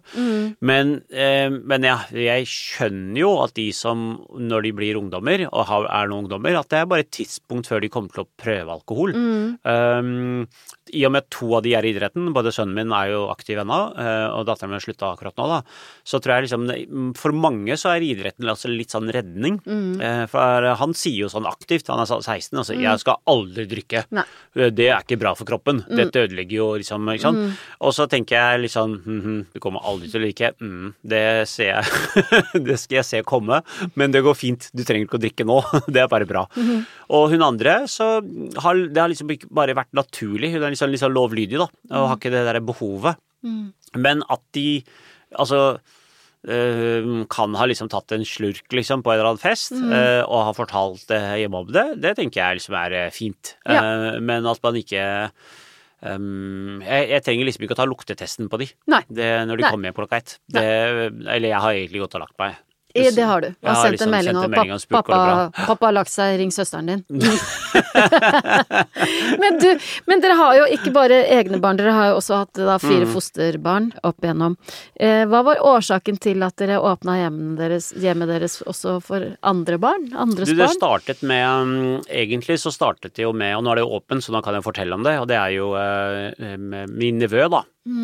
Som, eh, som er sønnen til eh, altså søster. søsteren min. Som, den boka må man også lese, da. Ja, sånn, så han eh, ringte meg jo en gang, eller de ringte egentlig fra en barnevernsinstitusjon, og så sa de at For det var et sånn ukjent nummer, så jeg tok ikke da telefonen, og så, sant, så kom det sånn melding du ringer fra Uh, denne barnevernsinstitusjonen, det gjelder uh, nevøen din. Og så sto det ikke sant, navnet hans, da. Ikke Jawad. Og så, så da, mm, da ringte jeg jo opp, ikke sant, og så skjønte jeg at Han var 15, eh, samme alder som jeg var. Eh, og så sa jeg 'jeg kommer'. Så jeg la på, så sa jeg til Nadia at eh, det og det har skjedd. Eh, han er Samme alder som du var da, barnevernet barnevernet kom inn i bildet i din Ja. oppvekst. Ja. Og jeg på den institusjonen han ringte ifra, jeg har jo bodd på den institusjonen sjøl, så jeg bare kjørte rett bort dit, og så snakka med de en halvtimes tid, og så sa jeg til dem pakk sammen sakene dine, du kan ikke bo her. Så ble han med oss hjem. Det var Eh, starten. Det var starten, egentlig. Så vi hadde han i fire-fem år. Og så hadde vi da lillesøsteren hans uh, i eh, fire-fem år, og deretter så har vi hatt to andre jenter som har hatt uh, annen kulturell bakgrunn. Eh, ikke ikke norsk-pakistansk, på en måte, men sånn annen blandingsbarn, da. Ja. Og det, det, det, så det startet egentlig med at det var min nevø, og det var helt naturlig å stille opp for han. Ja. Og jeg kjente meg veldig godt igjen i hans situasjon i forhold til hva jeg sjøl hadde opplevd. Og så utviklet det seg deretter til at vi har hatt to barn som ikke er i familie, mm. fordi vi merket at vi hadde kanskje da de ressursene som skulle til for Ja. å stille opp eh, og, og, og gi noe til de barna som treng, trenger hjelp, da. Mm. så eh, Hva har det gitt dere som familie? Eh, Der, i, der hvor vi har lykkes, iallfall. Mm. Altså med, med så, så har vi kjent på en sånn takknemlighet over at vi har kunnet være hjelp for noen. Mm. At, eh, at det var barn i en sårbar fase som trengte, trengte hjelp, og takknemlighet over at vi har hatt ressurser og um, energi da, til å kunne eh, Altså um, følelsesmessig overskudd til å kunne gi det lille bidraget eh, i deres liv til at de kan mestre livet på en, på en ok måte. Og, og kanskje sånn i mangel av at jeg vet at både som barnevernsbarn sjøl, men også som politiker, så vet jeg jo at det er jo veldig få som vil ta imot ungdommer som fosterbarn. fosterbarn. Det, man vil gjerne ha Man kan gjerne være fosterforeldre, men gjerne da eller, ikke sant? Men da du vil ha de minst mulig. Helst vil du ta dem over fra de er babyer, ikke sant. Altså, fra, mens ungdommer de kan slite med så mye at du vil helst ikke eh, ha det eh, innendørs. Så, så for meg så var det litt sånn ekstra viktig, da. Um, og så starta det liksom med nevøen, og bygde det videre til niesa, og så kom det to andre, og det tenker jeg har vært en del viktig, det, har vært, det har kjentes riktig. Ja. Og så um, og så er det jo Akkurat nå en liten pause fordi at dine egne barn er ungdommer. Det er helt riktig. Så vi, vi, vi, vi kommer kanskje til å ha fosterbarn til, mm. men jeg har tenkt, vi har tenkt liksom at eh, Adam er 16 år nå, og vi må ha full fokus også på våre egne. Og så anbefaler heller ikke barnevernet å ha ungdommer oppå sine egne ungdommer, Nei. for da blir det fort Hvem skal du ha fokus på, Ja, hvordan ja. fordeler du oppmerksomheten, og, ja, og de utfordringene det innebærer at barn er i samme alder Mm. og kanskje har det er ikke alltid sånn at eh, barnevernsbarn eh, har hatt de beste oppdragelsene, eller altså fått den beste ballasten med seg hjemmefra. Så de hender jo at de sliter med noen, en del ting. Og da er det jo en del ting man må jobbe med for å få eh, Slik at de kan mestre livet ut fra det utgangspunktet de har fremover. Og det krever eh, eh, kanskje annen type eh, eh, oppmerksomhet og, eh, og oppdragelse, da, enn eh, ja. Kan jeg spørre deg om hvordan det går da med din nevø? Den første dere Jo, det går eh, Jeg tror det går veldig bra. Altså, vi har god kontakt. Eh, Han eh, har både kjæreste, og kjæresten har et hund. Da er det de som har en hund, da. Så, så, eh, så de, og hun er sykepleier, og, og han jobber med Så han tok, tok seg en bachelorutdanning innafor litt sånn IT og litt sånn markedsføring, og jobber en del fritt med det. Og tror jeg er i gang med sånne gode nye prosjekter. Så en gutt vi er veldig, veldig stolte av, som har som har er en veldig fornuftig fyr. Altså Ja. til tross for hva han har opplevd og gått igjennom, så, så har han et klokt hode og et sånn empatisk eh, måte å være på med mennesker rundt seg. Så vi har eh, Han har utrolig stor og god plass i våre hjerter. Mm. Møtes jevnlig. Mm. Ok, vi er egentlig i et dilemma om sant, TikTok og hatkommentarer, og da må jeg bare spørre deg om For du har jo fått en del kritikk opp igjennom, og barna dine har jo sikkert fått med seg ganske mye. Mm. Hvordan har dere snakka om det? Du, det har vært viktig å snakke med barn om, eh, at, eh, om, om det som skjer på sosiale medier, som også gjelder foreldrene. For det, det, det skrives jo mye negativt om det. Og jeg tror hvis foreldre tar en sånn strategi som er sånn ja, men, men dette får ikke barna mine med seg, eller at ja, men dette trenger ikke vi å snakke om, eller hva skal jeg si, så, så De får det med seg. de får det med seg, altså. De får med seg faktisk mye mer enn det de Ja. tror. Eh, Og selv om de sjøl ikke har sett Dagsrevyen den dagen, hvor du har kanskje fått kjenneprek, kjenne prek... altså, Eller ikke sant, så har andre barn Ja, på skolen, så de, de, de, de, vet, de vet egentlig nesten alt. Så både de, de to ti tingene vi gjorde i forbindelse med hver av våre bøker, var jo å ta faktisk en full gjennomgang av alle tingene. Når pappa skal skrive i en bok, og barna er så unge, og han skriver at han ble født uten rumpehull, så er jo det en, en veldig lett uh, ting å bli mobbet for på skolen. Ja. Uh, og det ble jo også tema for den ene av ungene våre. Uh, for en- person på skolen hadde da påpekt at eh, Ikke sånn adda badda, men nesten sånn. Altså faren din hadde- har ikke rumpehull, ikke sant? Rumpehull. Eh, og det, så det, ble, det snakka vi om. Mens, mens vedkommende var litt mer sånn du, det, det er ikke noe problem. Eh, altså, det er den som sa det som er dum i hodet. Eh, så det har ikke jeg brydd meg om i det hele tatt.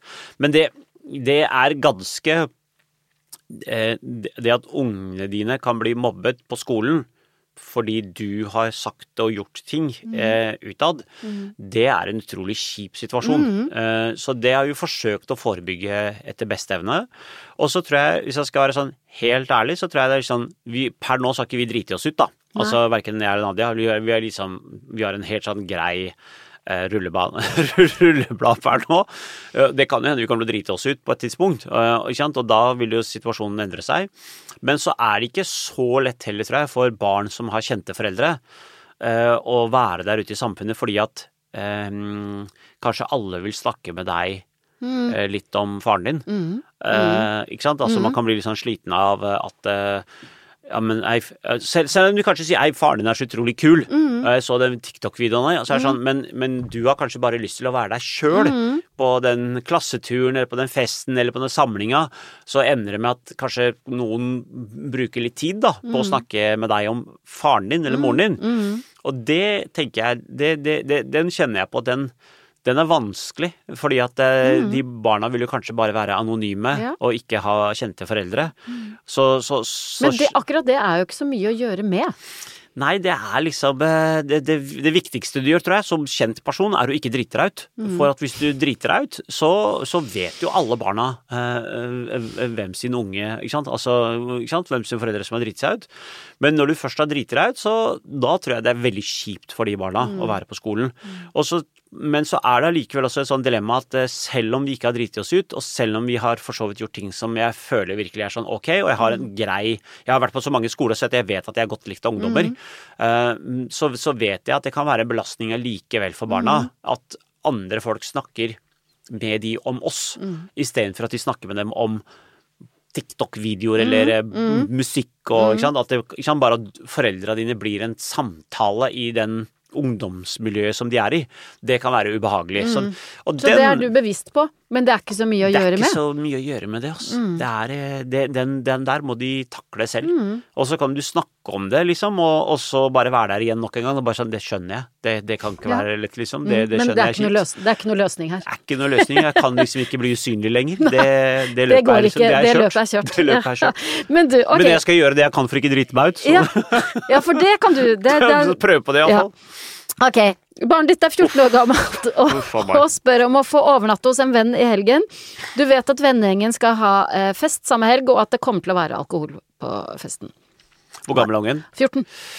Jeg ville ha tatt en samtale med, med ungen om alkoholen og alkoholens betydning mm. og innvirkning, og gruppepresset. Ja. Og at hvis det skjer noe, så må du ringe. Eh, ikke det at du har drukket, at det skjer noe, men at du ser at andre har drukket, og, og, det skjer noe at noen får en eh, for eksempel en, eh, ikke sant, altså en reaksjon. Mm. eh, ikke sant?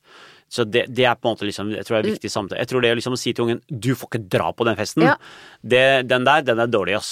Det, det er du er fiende, vet du. Er, du blir på en måte sånn eh, du som satte stopper for det sosiale Så eh, det å Ikke bli ditt, ditt barns fiende. ja, ikke bli ditt barns fiende på den måten heller, men også heller ikke du, ikke lat som problemet ikke er der. Det er bedre å ha tatt den samtalen. øh, og så må du ha tillit til at ungen din klarer å gjøre gode vurderinger, altså. Drikker du? Jeg er ikke avholds. Mm. Eh, Du oppdager at eh, det 16 år gamle barnet ditt i lang tid har tjent penger på å selge lettkledde bilder på Onlyfans. Åh, gud hjelpe Ja. meg, stakkars. Ja. Ja, den er fæl, altså. Ja, Ja. hva gjør du? Onlyfans, det er sånn eh, klesmerke, er det ikke det? Nei, on, Nei. Onlyfans, da kler man av seg eh, oh, ja. eh, okay. og kan tjene penger på det. Å ja. Ja, hva gjør du da? Ja, du, det, vet det veit jeg faktisk ikke. Altså. Jeg tror man, Det første man må ta liksom, samtale med barna om, er om å få liksom, barna til å skjønne at det er ikke smart å fortsette å gjøre. Og så er jo det det utrolig vanskelige er at jeg, jeg tror mange av de bildene er ikke mulig å slette. Altså det, der, det som er publisert på en måte, er, er der ute nesten for alltid. Jeg tror man må gjøre ganske mye arbeid for å få det sletta. Og så tror jeg man må være der som en eh, Altså som en eh, en klippe og en eh, og stødig havn og favn for den ungen, sånn følelsesmessig. For når liksom de skjønner at de har driti seg ut på dette, og de bildene kanskje ikke forsvinner, så er det fort gjort at den ungen eh, begynner å få um, andre fæle tanker om seg sjøl. Da kommer selvskadingstankene veldig fort inn, og kanskje også depresjon. Altså mange ting som kan komme som følge Da er ikke jeg psykolog som kan nok om det, men jeg tror barn som har klart å gjøre dette, det, mm, og har blitt lurt inn til det, eller har eh, sant, i et dumdristig øyeblikk gjort det, det, det Der må foreldrene være veldig kloke og ikke være klandrende, og ikke liksom kjeftende. Det hjelper jo ingenting. Kjefter du noen gang på barna dine? Eh, jeg vil si mm, Altså, det har vært eh, forskjellig fordelt. Um, så Hvordan, ja, uh, avhengig av hvilket barn vi snakker om. Avhengig av hvilket barn vi snakker om. Eh, eh, Den ene har ikke vært eh, kjeftfri. Eh, Men eh, til gjengjeld eh, så vil jeg si at det er individuelt tilrettelagt oppdragelse. To har aldri gjort seg fortjent til det. Altså, det er ikke, det er ikke sånn kjeft, men det er litt sånn jeg? Altså Hvis foreldra skal ikke gi opp barneoppdragelsen, du må jo lære ungen å takke for maten. Og du må jo lære ungen å ta både oppvask og du må og rydde rom, og, liksom, og, og, og hvis de har kanskje en oppførsel som ikke ville tåle eh, og dagens lys der ute. Så du må jo ha den korrigerende samtalen hjemme. Så, og, det, og kjeft kan plutselig man tenke handle om at man skriker til ungen. Men det om man bare forteller barn hvor, altså hvordan eh, regler er, det, Det er ikke kjefting. Nei, men det vil oppleves som kjefting Ja, for ja. Men jeg kan med hånda på hjertet si at to av de ville sagt at eh, de har nesten ikke fått kjeft. Mens Mens den ene vil si at uh, har fått, fått en del kjeft. Eh, eh, og så kan du tenke seg så jeg at eh, da kan de tre snakke sammen om om det har vært rettferdig ja, eller ikke. kom, det, det, De kommer til å skrive om det i en bok om noen Ja, år. det kan hende det kommer. Eh, barnet ditt er 17 år gammelt og begynner å engasjere seg i politikk. Mm. Eh, Hen vil nå melde seg inn i FPU. Å gud hjelpe, det skjer ikke, ass. Jo, det, skjer. jo, det skjer. Nei, det skjer ikke, ass. Eh, For mine barn så tror jeg ikke det kommer til å skje, men, men, eh, men den ene har faktisk snakket om eh, Rødt. Eh, Ja. Og da har jeg hatt en litt sånn lang prat om eh, hva Rødt står for, av kommunisme og alt det kommunistiske som det representerer og sånn. Eh, og så har vedkommende vært litt sånn Ja, men jeg kommer til å stemme på Rødt på skolevalget likevel. Ja. Og så har jeg tenkt, vær, vær så god. Og så har jeg tenkt, spør liksom, hva skal du når du blir, blir stor? Mm. Og tenk liksom at liksom ta, for eksempel hvis vedkommende har tenkt å bli ingeniør, da. Mm. Så jeg tenkt sånn, mm, akkurat som når du kommer til å bli ingeniør og kommer til å tjene dine penger, at du kommer til å gå og stemme Rødt. For at det tror jeg liksom, det er det Ja, for du tenker at ja, det, Det det skjer seg. ikke. Eh, Hvis jeg hadde hatt eh, tre barn som eh, var FPU fordi at de er imot bompenger eller mm -hmm. noe at et eller annet sånn skattenivå eller hjelpe næringslivet For, for altså, Frp for eksempel i uh, Møre og Romsdal er jo litt annerledes enn Frp i Oslo. Mhm. I Møre og Romsdal så er det ikke de så opptatt av innvandring, altså, ikke sant? mens i Oslo så er de litt mer Så, så hadde jeg liksom hatt uh, unger i Oslo da, som skulle melde seg inn i FPU, så hadde jeg vært litt bekymra. Hadde du vært bekymra og, og eh, Hadde du blitt lei deg, liksom? Hadde du tenkt at du hadde svikta på en eller annen måte? Eh, Jeg, nå, er jeg nå er jeg jo klar uttalt politiker på en side. Ja. Eh, Så eh, jeg tror hvis de hadde valgt seg hvilket som helst annet parti enn FPU og Rødt, Ja. og, og, Senterpartiet, så tror jeg Ja, hadde, så hadde jeg tenkt liksom at Ja, det er ikke så mange partier igjen, da. ja, men det er liksom det, det er ytterpartiene, på en måte. Det er liksom virkelig, virkelig, virkelig liksom ytterpartiene. Ja, men så- hvorfor hadde det vært men ille? hadde det vært ille? SV, så hadde jeg tenkt sånn, det er helt Ja, det- fint. ja. Ja, det er bra. Arbeiderpartiet er helt greit. Høyre er helt greit. Ja, men hvorfor hadde det vært spesielt ille med F mm, Frp, for eksempel, da? Nei, fordi de er jo litt sånn uttalt litt vanskelig på innvandringsfeltet, så jeg liksom tenker liksom uh, mm, Ja. Er det menneskesyner Det er, det er jo ikke de, Tidvis så har jo ikke de kanskje hatt et uh, uttalelser om uh, slike som meg hudmessig, da, fargemessig, som har vært så positivt innrettet. Så i hvert fall sånn, sånn Oslo-FB, altså Frp-politikken, har jo vært litt sånn fargelagt. Eh, mens den i Møre og Romsdal er litt sånn annerledes innrettet. innrettet. Så, så det er litt sånn forskjell på Frp hvor de er i landet Ja. også. Mens, mens på Rødt så tenker jeg at um, jeg tror det er et sånn ungdomsopprørmessig, og Ja. det kommer til å gå over når man Nettopp, skjønner ja. hva kommunisme betyr. Ja. Men eh, noe sier meg at det er ganske gøy å være til stede eh, rundt middagsbordet hos dere. Det er, er det mye diskusjoner? Ja, de er veldig, eh, de er veldig verbale. Ja. Eh, Og, eh, og altså, jeg blir hele tiden antivoket eller. Eh, Ja. For jeg er ganske bevisst på hva man skal si og ikke si. Ja. Men, men jeg blir fortalt fra tid til annen Det der kan du ikke si, pappa! ja, det, det er ikke lov å si. Hva kan det være? Nei, altså Åh, dette blir jo veldig sånn avslørende, men, men for eksempel så Åh. Jeg klarte da å si da på et tidspunkt um, det, det er en pers altså, Nå skal jeg prøve å gjøre dette sånn at man kan ivareta personvernet til Ja, folk. ja, ja. Men den ene ungen har da en venn som, eh, hvor navnet uttales litt grann annerledes er, Har også utenlandsk opprinnelse, da. Ja. Hvor navnet uttales litt grann annerledes enn hvordan det navnet normalt eh, kulturelt er Ja, fra ja. den eh, opphavet man har. Ja. Og da uttalte jeg det litt feil. Eh, og så sier da ungen min at jeg, det, ikke uttales ikke sånn, det uttales sånn. Mm. Og så sier jeg ja, men det, det, normalt så pleier det jo å hete. Sa jeg. Og han bare Du kan ikke si det! Det går ikke an å si sånn. Ja, men, ja, men det, normalt er det navnet uttalt på den Ja, måten fra ja. den kulturen, for jeg kjenner jo mange fra den kulturen, så jeg vet det. Ja. Men akkurat eh, din eh, venn har et annen type navn som klinger likt, men er allikevel annerledes. Og, ja, men du kan ikke si at de pleier normalt å hete sånn, for det er For da stigmatiserer Eller da sier du etter genera... sånn, Ja, ja, ikke sant? var sånn, da, var sånn, da følte jeg sånn Ok, da fikk jeg en sånn leksjon i sånn woke eller anti-woke eller Jeg vet ikke, jeg klarer ikke å forholde hvordan meg til det. reagerer du da? Nei, jeg Går du inn i diskusjonen, eller bare tenker du ok, Å, nei, men gud, jeg tenker liksom Åh, ja, men jeg, jeg vet Altså, jeg er jo ikke problemet her. tenker jeg fort sånn. Det er, ikke, det er ikke sånn som meg som er problemet. Så. Men vi har fått mye leksjoner hjemme om hva man kan si og ikke si, altså. For jeg tror det er, eh, som jeg sa tidligere, òg, det er, sånn, det er mye større grad av bevissthet hos videregående skoleelever ja. ja. enn en det var på vår tid. I vår tid så er det sånn folk nesten ikke brydde seg nesten. Altså, det var sånn Man kunne bare si nesten hva som helst. Jeg ble jo kalt pakkis på åpen skolegård Mm. på ungdomsskolen. Ingen brydde seg, liksom. Nå, altså, jeg brydde meg jo, men, men det var liksom ikke bra at de sa det. Men det var ingen som gikk inn og sa hei, det kan du ikke Nei, si. nei, nei. Men nå og det tror jeg er sånn sunt, det er bra, eh, og jeg tror vi foreldre kommer til å lære mye av våre barn Det- om hvordan oppførsel Og det- og, hvilken ordbruk som kan være. Tenk det, For en gave! for en, ja, det er bra ting. Men de har vært eh, eh, Det er jo mm, Siste greia, da, som en sånn eh, For det, jeg tror ikke du har et sånt spørsmål. eh, eh, og det er sosiale medier og foreldre som poster bilder av sine barn. Ja, hva tenker du om Så, det? Mm. nei, det syns jeg er en dårlig ting, da. Eh, og eh, mm, med unntak av noen ekstremt få bilder, hvis man går inn på min Facebook-gruppe, Mm, så, så er det ingenting. Så er det ingenting. For, og, og, da kom jeg på en sånn sommerferie for noen år siden. Da var vi i Italia. Og da posta jeg masse bilder da, fra liksom turen.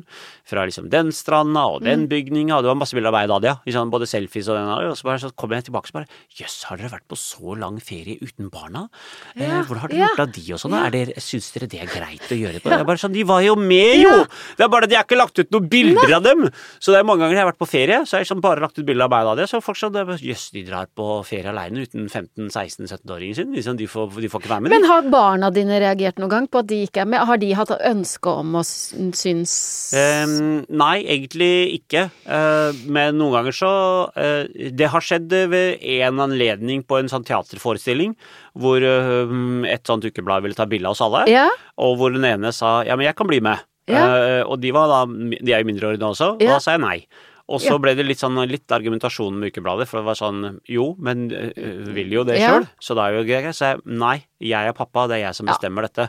De skal ikke ha bildet sitt i dette ukebladet her nå. Det kan de få lov til å bestemme når de er 18 år. Ja. Akkurat nå har ikke det Nå er det jeg som bestemmer. Nå er det jeg som bestemmer. Ja. Og det, jeg tenker det, de skal ikke være i media uh, uvalgt. De må kunne velge det sjøl når de har blitt gamle nok. Mm. Og på sosiale medier så er det et par ganger jeg posta bilder, sånn fra når vi er på sånn 17. mai og vært på TV-opptreden. Uh, og så har de vært på TV sammen med meg, og det syns vi var greit, men når jeg posta bilde av at vi var på TV, det Mm. Det likte er de ikke. nei. Det likte de ikke. Så det tenkte jeg, det tok jeg eh, lærdom av. Ja. Så, mm, nei, så eh, dere som er foreldre og har barn og har sosiale medier, jeg vil liksom unngått å publisere bilder av barna, eh, i hvert fall med deres fjes. De må få lov til å velge å være anonyme når de vokser opp. Ja. Eh, før du går ut i verden igjen, bare et sånt Har du et, et et godt tips til foreldre der ute?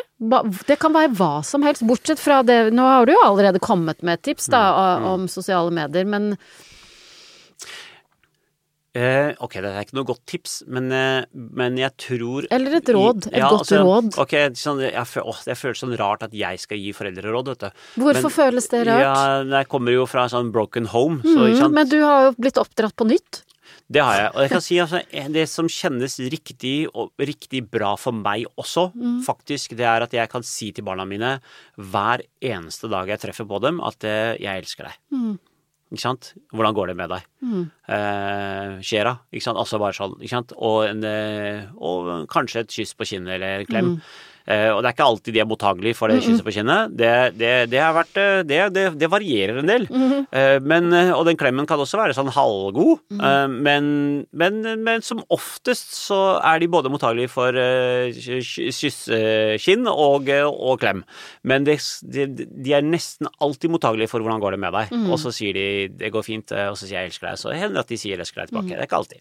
Men, eh, men jeg vet de elsker meg. Og det, som forelder så tror jeg vi skal alltid fortsette å si 'jeg elsker deg'. Og jeg tror vi alltid skal spørre dem hvordan det går med de. Og jeg tror vi alltid skal eh, sende dem koselige meldinger. Så er det en god leveregel jeg har prøvd å følge. Det er ikke alltid jeg har klart det, men jeg har tenkt ofte litt sånn Hvis du ikke kan si noe snilt til barna dine, så iallfall ikke si noe slemt. Ja. Det er ikke alltid vi klarer å si snille ting, men hvis du ikke klarer å si noe snilt, så, Så iallfall ikke si noe slemt. Og med det så sier jeg tusen takk for at du kom, Abid. Og så gleder jeg meg til å snakke med deg igjen. Veldig hyggelig så her. Min barneoppdragelse er laget av Lyder Produksjoner.